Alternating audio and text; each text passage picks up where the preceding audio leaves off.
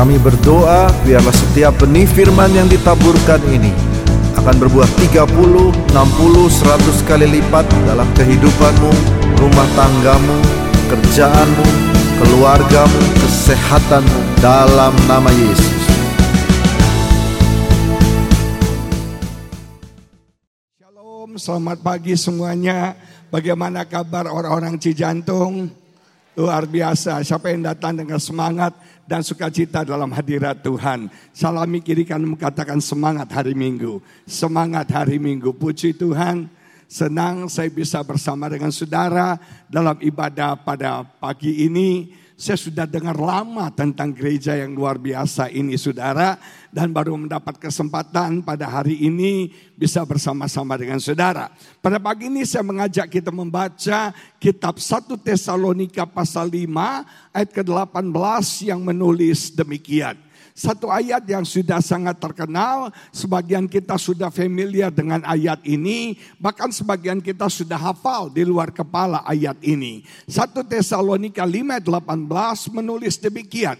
Mengucap syukurlah dalam segala hal, sebab itulah yang dikehendaki Allah di dalam Kristus Yesus bagi kamu.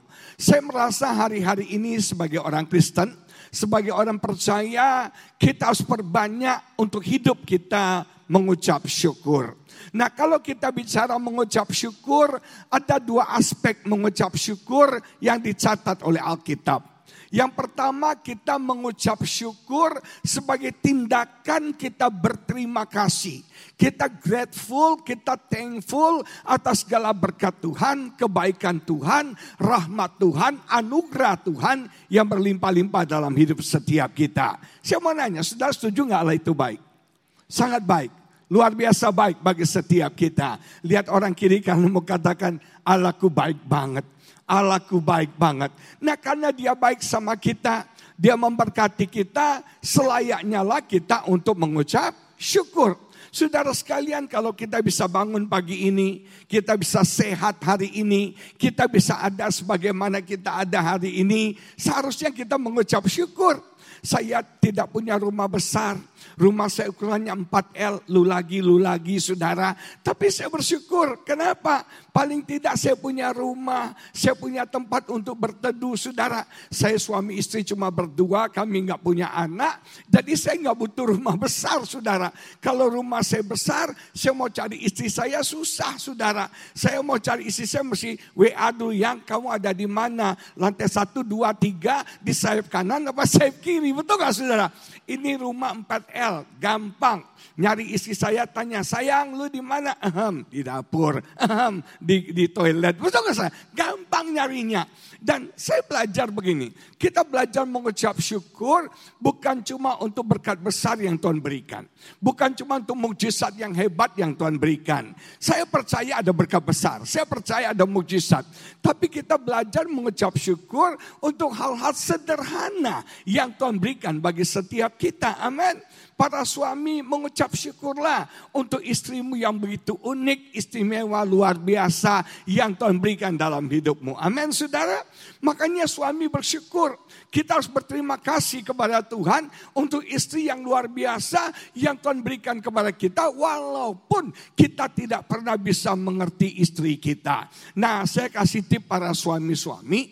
Jangan pernah berusaha mengerti wanita. Karena sampai mati pun kita tidak akan bisa mengerti wanita. Wanita itu makhluk yang cantik, yang unik dan misterius saudara sekalian. Satu hari istri saya ini gara-gara media sosial suka difoto. Jadi kalau kami ke mana-mana foto. Sebelum makan sudah lapar harus apa? Foto. Saudara aduh udah lapar banget. Bukan cuma foto orangnya, foto makanannya juga saudara.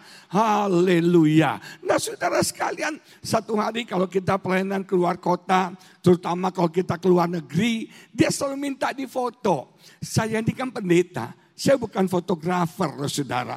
Jadi yang anehnya, setiap kali dia minta difoto, ada seribu jepretan foto saya hasilkan yang dia terima cuma dua. 998-nya di delete, saudara.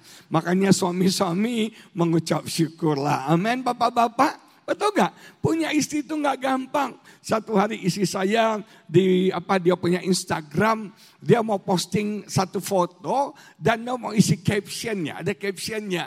Terus dia tanya, sayang mau nulis apa hari ini? Saya bilang, tanya saya. Saya jawab ya, uh, caption dari saya, hati yang gembira adalah obat. Dia lihat saya, hah? Masa ayat itu semua orang sudah tahu ayat itu tahu katanya. Yang keren dong gak kreatif sama sekali saudara. Lu nanya gua, gua jawab kan? Gak salah lagi. Oke, gua kasih ayat lain. 1 Tesalonika 5 ayat 18. Mengucap syukurlah dalam segala keadaan basi. Basi banget lu, gak ada ide lu, payah lu, ayat lu kuno banget, jadul. Semua salah. Eh, lu ini nanya ayat atau ngajak berantem, saudara. Makanya bapak-bapak mengucap syukurlah untuk istri yang luar biasa. Yang Tuhan berikan, amin. Amin. Mengucap syukur untuk istri yang luar biasa yang Tuhan berikan buat kita. Nanti ibadah selesai siang, Anda mau makan, saya kasih tip ya. Para suami kalau mau makan izinkan istri yang memutuskan makan di mana. Jangan Anda yang putuskan, pasti salah. Nah Anda tanya istri sayang, kita mau makan di mana ini? Ya kan? Jam 11 mau makan di mana? Kita tanya istri saya jawab apa? Istri kita jawab apa? Terserah. Kita bilang kita makan kuring-kuring yuk ya. Kita makan saung-saung gitu ya. Istri kita bilang apa? Gua nggak mau sambal pedas, terus ada pakai apa goreng-goreng, gak healthy, gak sehat. Jadi lu gak mau kuring, lu mau makan apa? Dia jawab, nah kita makan sabu-sabu yang rebus, betul nggak? Dia bilang gua gak mau, gua udah ke salon, rambut gua sudah terlala terilili, nanti kena asap bau katanya. Gua gak mau, jadi lu mau makan apa? Makanya bapak-bapak bersyukurlah untuk istri yang luar biasa yang Tuhan berikan. Amin. Dan istri-istri bersyukurlah. Walaupun suamimu nggak ganteng-ganteng banget saudara. Tapi bersyukur dia baik. Dia bertanggung jawab. Amin. Nah ada jomblo-jomblo di sini cewek-cewek yang belum merit. Saudara saya kasih tips. Kalau mau cari jodoh syaratnya 3T. Apa? 3T. Yang pertama takut Tuhan. Yang kedua tampan. Yang ketiga tajir. Itu aja saudara ya takut Tuhan, tampan, tajir. Nah saudara yang diberkati, punya suami nggak gampang. Kenapa? Laki-laki itu makhluk paling songong. Makhluk paling sombong kecuali saya dan Pak Albert saudara ya. Nggak enak kan ada dia di depan ya. Nah saudara, laki-laki itu sombong. Ada tiga kata yang laki-laki jarang ucapkan setelah menikah. Yang pertama adalah kata apa? I'm sorry. Aku minta maaf. Jarang. Selalu suami merasa yang salah siapa? Istrinya. Betul nggak? Anaknya bego yang salah istrinya. Ikan lohannya mati yang salah siapa? Istrinya. Semua istri, istri, istri, istri. Betul nggak? Gak gampang loh jadi istri buat suami yang tidak pernah minta maaf kalau salah. Saya belajar ya, kita suami-suami bisa salah loh. Belajar untuk berani minta maaf kalau kita salah sama istri kita. Amin. Dalam pernikahan kami, kami punya moto. Orang yang menang dalam konflik adalah orang yang berani pertama kali minta maaf. Dan saya survei, ternyata saudara, ternyata, ternyata yang pertama minta maaf kalau suami istri berantem siapa? Siapa? Suami. Istri orang Batak bilang jugul, keras kepala saudara. Betul enggak? Suami yang minta maaf, suami yang selalu mulai perdamaian. Nah jemaat yang diberkati, kadang-kadang suami berat mengatakan I'm sorry. Kata kedua yang suami jarang ucapkan adalah I love you.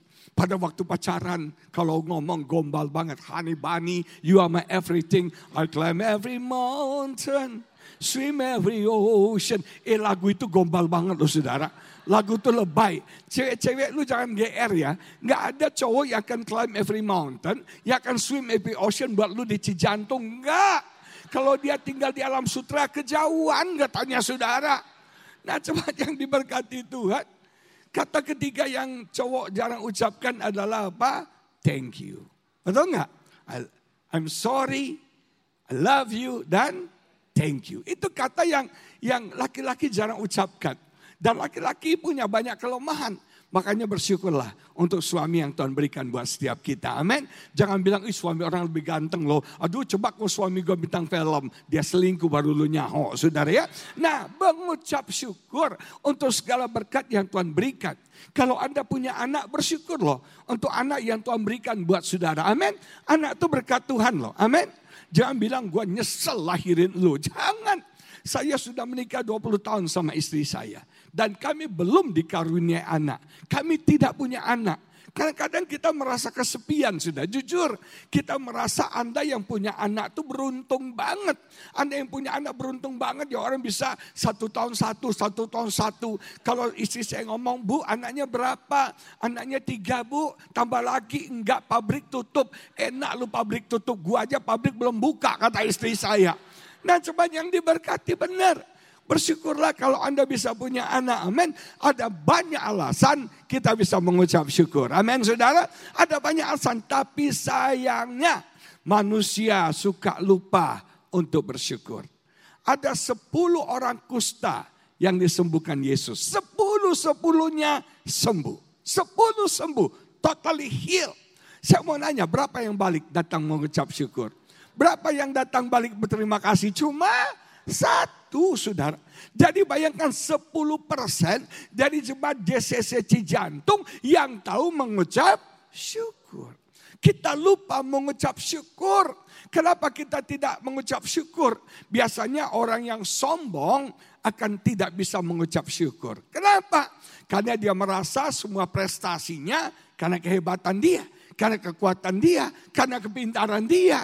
Tapi orang rendah hati bisa mengucap syukur karena dia tahu semuanya datang dari Tuhan. Semuanya oleh Tuhan, semuanya bagi Tuhan. Segala kemuliaan dari Tuhan, oleh Tuhan, dan bagi Tuhan. Segala kemuliaan. Amin Bapak Ibu. Kalau kita sadar kita ini nggak ada apa-apanya. Kalau kita sadar semua karena anugerah Tuhan, kita seharusnya bersyukur kepada Tuhan. Saya ketemu seorang hamba, seorang pengusaha sukses, kaya, diberkati luar biasa. Dia punya usaha yang besar banget saudara. Waktu kita makan bersama, saya bilang, Pak, Bapak ini sukses rahasianya apa? Uh, mungkin Bapak pintar, saya bilang, karena waktu kita ngobrol, dia pintar sekali, dia lihai, dia bisa melihat kesempatan. Terus dia bilang gini, saya sukses karena Tuhan. 99,9 persen karena Tuhan. Faktor saya cuma 0,1 persen. Bapak bilang saya pintar, oke. Okay. Tapi kalau Tuhan gak buka jalan juga percuma. Bapak bilang saya lihai, saya smart, oke. Okay. Tapi kalau Tuhan tidak buka pintu, semuanya juga sia-sia. Betul gak saudara? Kita sadar semuanya karena Tuhan. Dan kalau kau tahu semua karena Tuhan, maka kau akan bisa mengucap syukur. Amin. Mengucap syukur sebagai tanda kita berterima kasih untuk segala berkat Tuhan. Daud katakan jika kuhitung semua berkatmu, jika kuhitung semua kebaikanmu, aku gak bisa membayangkan, aku gak bisa menghitungnya. Begitu besar, begitu dahsyat, undescribable. Gak bisa ku jelaskan betapa hebatnya Tuhan dalam hidup setiap kita. Amin saudara. Mengucap syukur sebagai tindakan kita berterima kasih. Siapa yang diberkati Tuhan sampai hari ini? Kalau kita bisa melewati 2023, kita harus mengucap syukur loh. Betul nggak? Tahun ini berat banget. Jujur, tahun ini berat. Orang memprediksi 2023 tahun gelap, saudara. Tahun gelap, tahun susah, tahun penderitaan. Memang tahun ini resesi luar biasa. Kesulitan ekonomi terjadi di mana-mana. Dulu kita belanja di supermarket, 500 ribu udah bisa beli macam-macam. Sekarang 500 ribu bisa beli apa? Gak banyak, betul gak? Ada makan di restoran, gurame. Harganya 150 ribu dulu segede gini. Sekarang harganya sama, guramenya resesi segede gini saudara. Betul gak? Terjadi resesi. Tapi bersyukur kita bisa melewati 2023. Kita sampai di akhir 2003. Bukankah karena Tuhan baik sama kita. Amin. Yang setuju Tuhan baik berikan sekali lagi kemuliaan bagi Tuhan. Amin. Yang kedua, kita mengucap syukur sebagai tindakan iman. Kenapa harus tindakan iman? Kita mengucap syukur walaupun belum ada berkat. Kita mengucap syukur walaupun belum ada mujizat. Kita mengucap syukur walaupun doa kita belum dijawab oleh Tuhan. Yang namanya iman itu belum ada. Yang namanya iman itu belum kelihatan. Yang namanya iman itu belum nampak. Yang namanya iman itu belum nyata. Kita bisa melihat sesuatu yang belum ada, belum nyata. Belum ada pertolongan Tuhan belum ada jawaban doa, belum ada mujizat, belum ada berkat. Tapi ketika Anda bisa mengucap syukur, inilah ucapan syukur tingkat yang paling tinggi. Mari kita baca.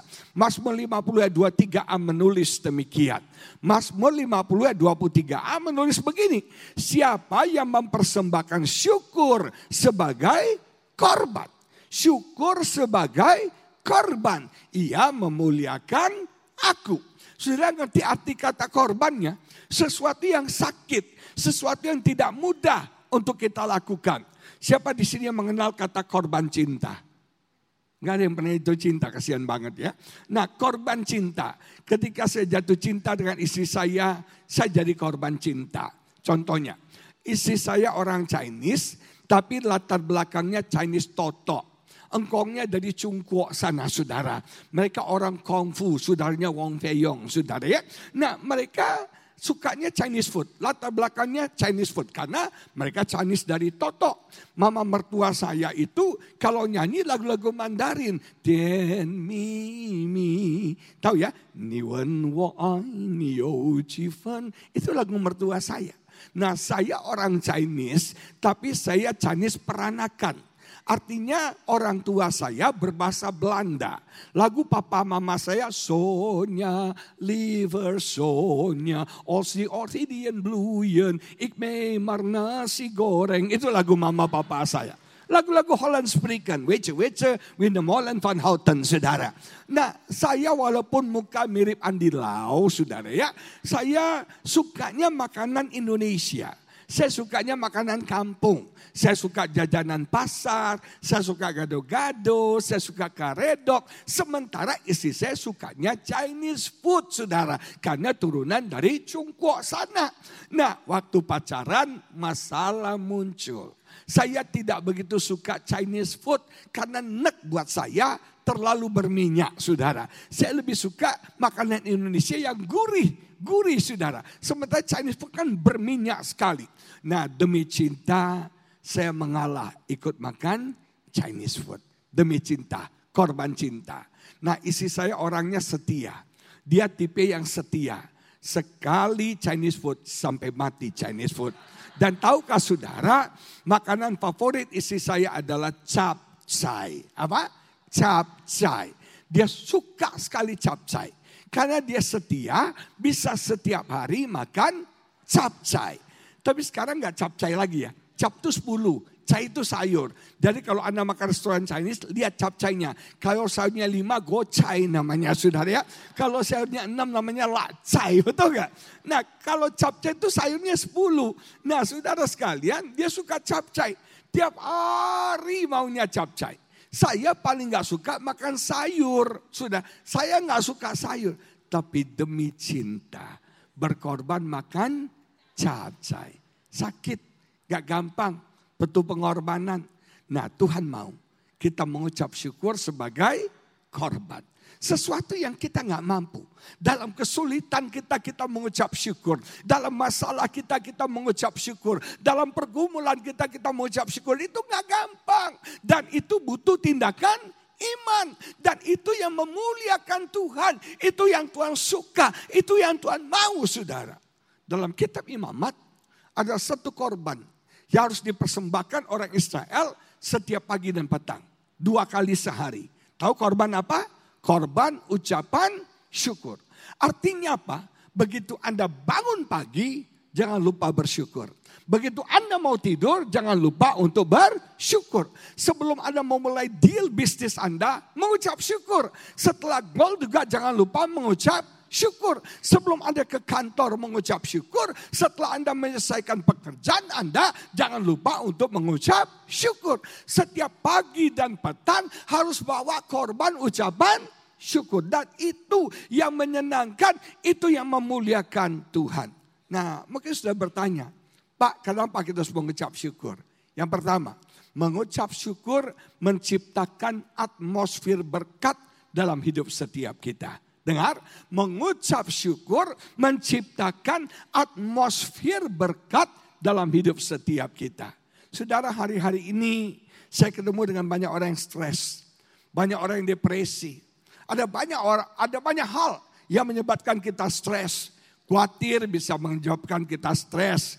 Kecepatan hidup ini bisa menyebabkan kita stres, saudara sekalian. Saudara juga crowded, keramaian bisa membuat kita stres. Saya paling nggak bisa ada di tempat yang sangat ramai, nggak bisa. Saya langsung stres saudara, karena crowded banget. Tahukah saudara, dunia semakin crowded. Zaman dulu kota paling ramai penduduknya London. Dulu 10 juta penduduk. Sekarang hampir semua kota besar lebih dari 10 juta. Crowded banget dunia ini. Nah itu sumber daripada stres. Sekarang kita dituntut cepat, cepat, cepat, cepat, cepat. Nah kecepatan hidup membuat kita menjadi stres. Kalau Anda pernah ke Singapura ya, anda jalan di Orchard Road ya, Anda bisa bedain mana orang Indonesia, mana orang Singapura. Kalau orang Singapura jalannya mulutnya mencucu gini, so stres loh, kencung jalannya. Kalau orang Indo kan santai, lihat kiri, lihat kanan, betul nggak? Makanya Singapura itu stres berat. Banyak yang bunuh diri, banyak yang depresi di Singapura karena harus cepat, cepat, cepat, cepat, cepat. Internet harus cepat, semua cepat, delivery cepat, semua beli barang cepat, cepat, cepat. Itu membuat kita stres tuh. Kita nggak santai lagi, kita nggak tenang lagi. Nah, saudara apa obat stres? Banyak orang stres sekarang. Saya kasih obat stres. Mazmur 42. Ayat 5 dan 6 menulis demikian. Mazmur 42 ayat 5 dan 6 berkata begini. Inilah yang hendak ku ingat. Sementara jiwaku guda gulana. Ada yang guda gulana di sini? Amin. Yang lagi galau habis, galau, galau pul. Bagaimana aku berjalan maju dalam kebadatan manusia. Mendahului mereka melangkah ke rumah Allah dengan apa? Suara, sorak-sorai dan Bersyukur itu bisa bentuk nyanyian juga. Dalam keramaian orang-orang yang mengadakan perayaan. Mengapa engkau tertekan, stres, depresi, hai jiwaku. Jujur Pak Albert dan semua jemaat, sekarang banyak orang masalahnya kejiwaan. Orang itu sekarang bukan sakit fisik, bukan sakit roh, tapi sakit jiwanya sudah. Banyak orang jiwanya terganggu. Menteri Kesehatan baru mengumumkan banyak orang Indonesia sakit jiwa. Lihat kiri kananmu. Jangan-jangan sebelah lu saudara. Nah cuman ya namanya sakit jiwa kan gak gila aja. Stres itu sakit jiwa loh. Paranoid itu sakit jiwa. Ada orang yang punya masalah compulsive disorder. Yang itu sudah berulang-ulang lakukan. Ada orang saudara itu dia malam nggak bisa tidur. Kenapa? Sibuk nonton CCTV saudara. Lihat CCTV rumahnya ada maling nggak, ada begal nggak, apa yang terjadi di depan. Dia jadi sapam ngontrol CCTV. Saya bilang bobo, saya bilang ngapain lu pelototin CCTV. Ada teman saya korden, bolak balik berisin korden, bolak balik berisin korden. Betul nggak? Itu sakit jiwa. Ada seorang anak muda saya kenal saudara, mamanya cerita. Itu anak compulsive disorder. Dia itu kamarnya harus rapi, pipi, pipi. Satu barang bergerak satu senti, dia bisa tahu. Dan itu dia stres kembalikan barang itu di posisinya. Benar. Gak boleh ada air, gak boleh ada kotor. Benar, stres berat. Jadi dia lebih suka tinggal di hotel. Dia mau kotor, mau jorok, bodoh amat. Tapi kita nggak boleh masuk kamar dia, pegang aja barangnya, dia stres. Ada orang kayak gitu loh ya. Parah banget. Semoga di sini nggak ada ya. Nah apa obat sakit jiwa dikatakan sebab berkatakan dan gelisah di dalam diriku panik gelisah berharaplah kepada Allah harus berharap sama Tuhan Jangan berharap sama manusia, engkau akan kecewa. Sebab aku akan bersyukur lagi kepadanya, penolongku dan Allahku. Bersyukur. Karena apa pun masalah kita, Tuhan penolong bagi setiap kita. Dan Tuhan Allah kita. Artinya apa? Apa pun masalahmu, Tuhan ada jalan keluar bagi setiap kita. Tuhan yang kontrol seluruh kehidupan setiap kita. Obat stres apa? Mengucap syukur. Ada dalam masalah, ada obatnya lagi. Yunus pasal yang kedua. Saudara tahu Yunus di perut ikan ya. Yunus di perut ikan, dia ngomel, dia komplain, dia marah-marah. Yunus pasal 2 mengatakan demikian. Kalau Anda baca Yunus 1, dia masih ngomel tuh. Dia masih komplain, dia masih marah. Tapi ayat 9 berkata begini, Yunus 2 ayat 9, tetapi aku sekarang dengan ucapan syukur akan kupersembahkan korban kepadamu. Dia berani berkorban. Dan korban itu ucapan syukur. Mengucap syukur di dalam perut ikan. Bukan di Vermont, bukan di Langham, bukan di Grand Hyatt. Tapi mengucap syukur di perut ikan. Dikatakan apa yang kunasarkan akan kubayar. Keselamatan adalah dari Tuhan. Lalu berfirmanlah Tuhan kepada ikan itu. Dan ikan itu pun memuntahkan Yunus ke darat. Kapan ikan itu memuntahkan Yunus ke darat? ketika Yunus bisa mengucap syukur. Saya nggak tahu apa masalah saudara. Saya nggak tahu apa persoalan saudara. Tapi ketika di dalam masalahmu engkau bisa mengucap syukur. Tuhan akan memuntahkan engkau keluar. Tuhan akan memberikan jalan keluar. Tuhan akan memberikan kemenangan. Tuhan akan memberikan terobosan. Tuhan akan memberikan kelegaan bagi setiap jemaat Tuhan. Amin. Mengucap syukur sebagai korban. Yang pertama, mengucap syukur menciptakan atmosfer berkat. Siapa yang mau diberkati? Mengucap syukur. Yang kedua, mengucap syukur bukan cuma menciptakan atmosfer berkat, tapi mengucap syukur juga menyempurnakan berkat Tuhan dalam hidup setiap kita. Saya katakan 10 orang kusta sembuh, betul? Sembuh, heal bahasa Inggrisnya. Hanya satu yang kembali dan satu tuh whole saudara. Dia bukan cuma sembuh secara fisik, tapi dia sembuh secara fisik, sembuh secara mental, sembuh secara sosial, sembuh secara keuangan, sembuh secara spiritual. Saudara Tuhan yang bekerja bukan cuma memberkati duit buat saudara. Tuhan tidak hanya bekerja memberkati engkau dengan kesembuhan. Tapi Tuhan ingin memberkati engkau sepenuhnya. Rumah tanggamu diberkati, anak-anakmu diberkati, kesehatanmu diberkati, bisnismu diberkati, pekerjaanmu diberkati, masa depanmu diberkati. Seluruh hidupmu diberkati oleh Tuhan. Dan itu akan terjadi ketika Anda bisa mengucap syukur. Yang ketiga yang terakhir. Kok tepuk tangannya setengah tiang gitu loh ya. Mengucap syukur bukan cuma menciptakan atmosfer berkat, bukan cuma menyempurnakan berkat, tapi mengucap syukur juga melipat gandakan berkat dalam hidup kita. Yesus lima ribu laki-laki saja lapar, Yesus bilang kasih mereka makan. Dan kita berkata cuma ada lima roti dan dua ikan. Apa yang Yesus lakukan? Dia mengambil roti, kemudian apa? Dia mengucap syukur. Apa? Mengucap syukur. Apa yang ada padamu? Oh sedikit Tuhan. Gak cukup. Aduh lima roti dua ikan. Mana bisa memberi makan lima ribu orang. Aduh gereja ini Tuhan dana kami cuma sedikit. Tanya sama bendahara berapa dana? Minus saudara. Betul gak? Saya punya teman khotbah di sebuah gereja di daerah jembatan lima. Saldonya minus saudara. Minus.